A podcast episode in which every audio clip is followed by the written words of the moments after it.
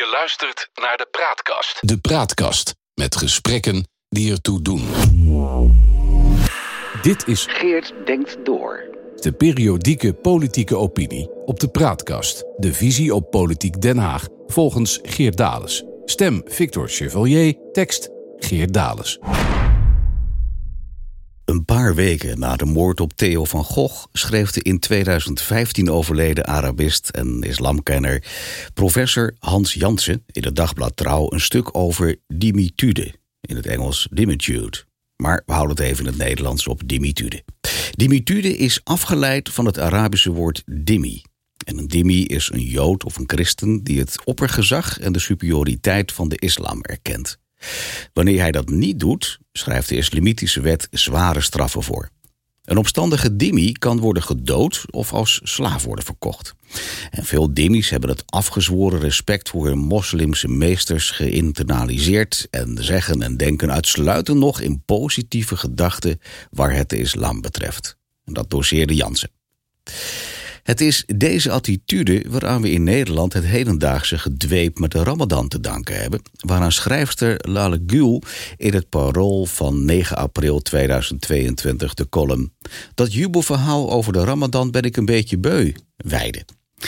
Bezinning, spiritualiteit, verbroedering, tolerantie, ontslakken, gezelligheid, lekkere recepten en collega's en vrienden die uit solidariteit meevasten. Lalegul is er wel klaar mee. Allang is bekend dat langdurig niet eten en drinken lichamelijke en mentale gezondheidsschade veroorzaakt. Hoe langer de tijdspanne tussen dageraad en zonsondergang, hoe beroerder het lijf en de geest. Dit jaar valt de Ramadan van 1 april tot 1 mei. Zonsopgang rond half zeven, zonsondergang zo rondom half negen. Vasttijd de halve minstens 14 uur. Verder geen seks, niet menstrueren en de voorgeschreven dagelijkse herhaaldosering van levensreddende medicijnen op last van Allah graag even een maand opschorten. Langdurig vasten levert behalve een rammelende maag en een droge mond psychosomatische klachten op. Slaapproblemen, vermoeidheid, verminderde concentratie, minder scherpte, prikkelbaarheid. De Ramadan is oorzaak van meer verkeersongelukken, meer ziekenhuisopnamen en meer foute beslissingen. Bedenk wat de humeurwisselingen, verlies aan scherpte en prikkelbaarheid doen met vastende moslims in beleidsbepalende posities. Tijdens het mondkapjesdebat op 7 april 2022 was denkleider Farid Azarkan, een gelovig moslim, herhaaldelijk zijn tekst kwijt. Honger? Flauwte? En het is ook geen toeval dat Ramzan Kadyrov, leider van de Islamitische Republiek Tsjetsjenië en van nature al een opvliegend personage, juist deze dagen pochte dat de Russische strijdkrachten met zijn hulp nog wel even zouden terugkomen om de Oekraïnse hoofdstad Kiev in te nemen. Ernstig gevalletje van Ramadan-prikkelbaarheid, met alle risico's van dien. Deze inzichten zouden verstandige mensen ertoe moeten brengen voorzichtig te zijn om de Ramadan-liefhebbers altijd en overal te accommoderen.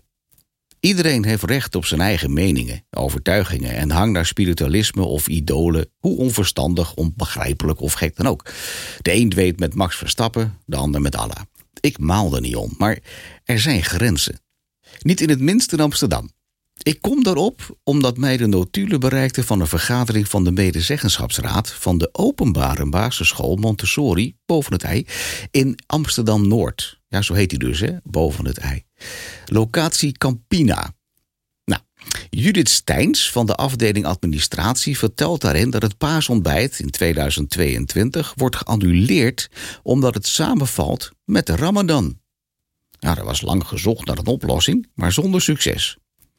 Het woord paasontbijt krijgt ze overigens, dimituderwijs, niet uit haar mond. Om te voorkomen dat er kinderen worden buitengesloten, is er gekeken naar een mogelijkheid het lenteontbijt te verplaatsen naar later in het jaar. Helaas is er geen geschikte datum te vinden. Nu is er besloten er een spelletjesochtend van te maken met eventueel een paasei. Al dus Judith.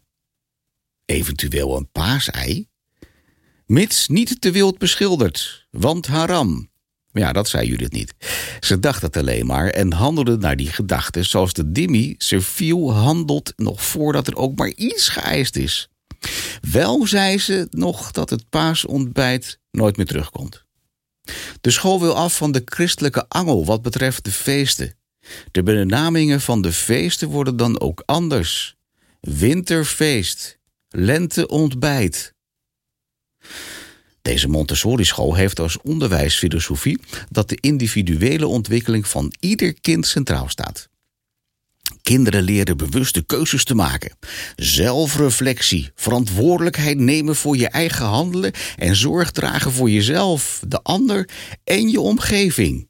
Al dus de website. Ik vroeg aan Judith Steins of de kinderen in het kader van het leren van bewuste keuzes iets was gevraagd over het annuleren van het paasontbijt en het vervangen van paas door lente en kerst door winter. Ze reageerden niet. Ook niet op een herhaald verzoek om informatie.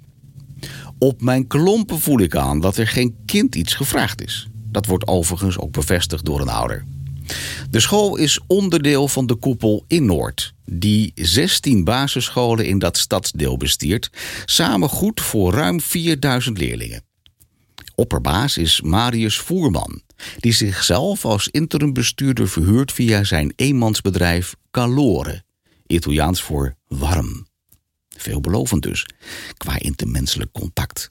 Ook hem heb ik enkele vragen voorgelegd, waaronder een schatting van het aantal kinderen voor wie de ban op het paasfestijn is afgekondigd. Deze Montessori-school, waar 360 leerlingen naartoe gaan, is zeker geen zwarte school. Wel een hele internationale met kinderen uit alle werelddelen. Van de ouder weet ik hoezeer de leerlingen, in dat geval eentje met een Latino-achtergrond, zich verheugden op het feest. Helaas, weg paasontbijt, weg kindervreugd, omdat een handvol ouders moeilijk zouden kunnen gaan doen. Ook Voerman zweeg ondanks twee vriendelijke verzoeken.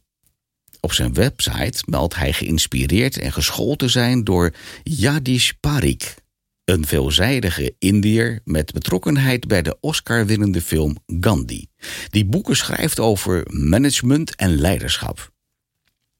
Making a life while making a living is zijn filosofie. Die laatste kunst heeft Voerman ongetwijfeld afgekeken. Even antwoorden op wat beleefde vragen was intussen te veel voor deze liefhebber van management by detached involvement. Dat het ook anders kan, bewijst basisschool De Nieuwe Wereld in Purmerend. Na ophef over de annulering van het paasontbijt keerde de leiding ras op haar schreden terug. Inclusie is het toverwoord waarmee het dumpen van kerst- en paasfeest in Amsterdam-Noord en elders in Nederland wordt gemotiveerd. Maar welke inclusie is dat in Amsterdam-Noord? Het stadsdeel waar, als de recent gearriveerde bewoners van de luxe enclave Overhoeks aan de Eioever buiten beschouwing wordt gelaten, gemiddeld veruit de laagste inkomens, het laagste opleidingsniveau en het grootste aantal PVV-stemmers zitten. Duizenden kinderen in Amsterdam-Noord gaan nog sinds mensenheugenis elke dag met een lege maag of op zijn best met een zak paprika-chips van de voedselbank naar school. Met de recente drastische stijging van de kosten van levensonderhoud is die schrijnende sociale misstand nog groter geworden. Het paasontbijt is een klein moment van geluk in zo'n armoedig kinderleven. Maar wel een heel belangrijk moment waar rijkhalsend naar wordt uitgekeken. Wie heeft het recht om een kind dat plezier af te nemen en te vervangen door een spelletjesochtend op een lege maag? Welke inclusie rechtvaardigt dat de minderheid van GroenLinks en D66-stemmers in Amsterdam-Noord hun PVV-stemmende medebewoners en hun kinderen berooft van de wens om een ouderwets autochtoon Nederlands leven te leiden? Inclusief paaseieren, kerstbomen met piek en engelenhaar en een sausijzenbroodje varkens gehakt op het bord, afgemaakt met een pul bier. Mijn smaak niet, maar laat ze. Geen verstandig mens zal betwisten dat het goed is rekening te houden met religieuze gevoeligheden en morele dilemma's van een kind dat opgroeit in een islamitisch gezin. Maar het is wat anders dan een hele groep een plezier ontnemen, omdat een klein deel ervan, en dan vooral de ouders, ongemak ervaart. Wijs mij eens op het schoolplein een Ibrahim, een Katja of een Mo aan... die gemotiveerd stennis zou trappen als Janni, Ryan of Zong... de tanden zetten in een roomboter besmeerd paasbrood. Het is maar wat je de kinderen vertelt. En het zijn niet eens de moslims die het hardste trom roeren. Het is de autochtone deugdbrigade die voorop loopt om elke islamitische gevoeligheid op voorhand te neutraliseren. Voorzorgzucht noemde Hans Jansen dat in zijn publicatie uit 2004. Er maakt zich een voorzorgzucht van mensenmeester waardoor iedereen letterlijk op kousenvoeten gaat lopen. De dibby buigt diep en dieper.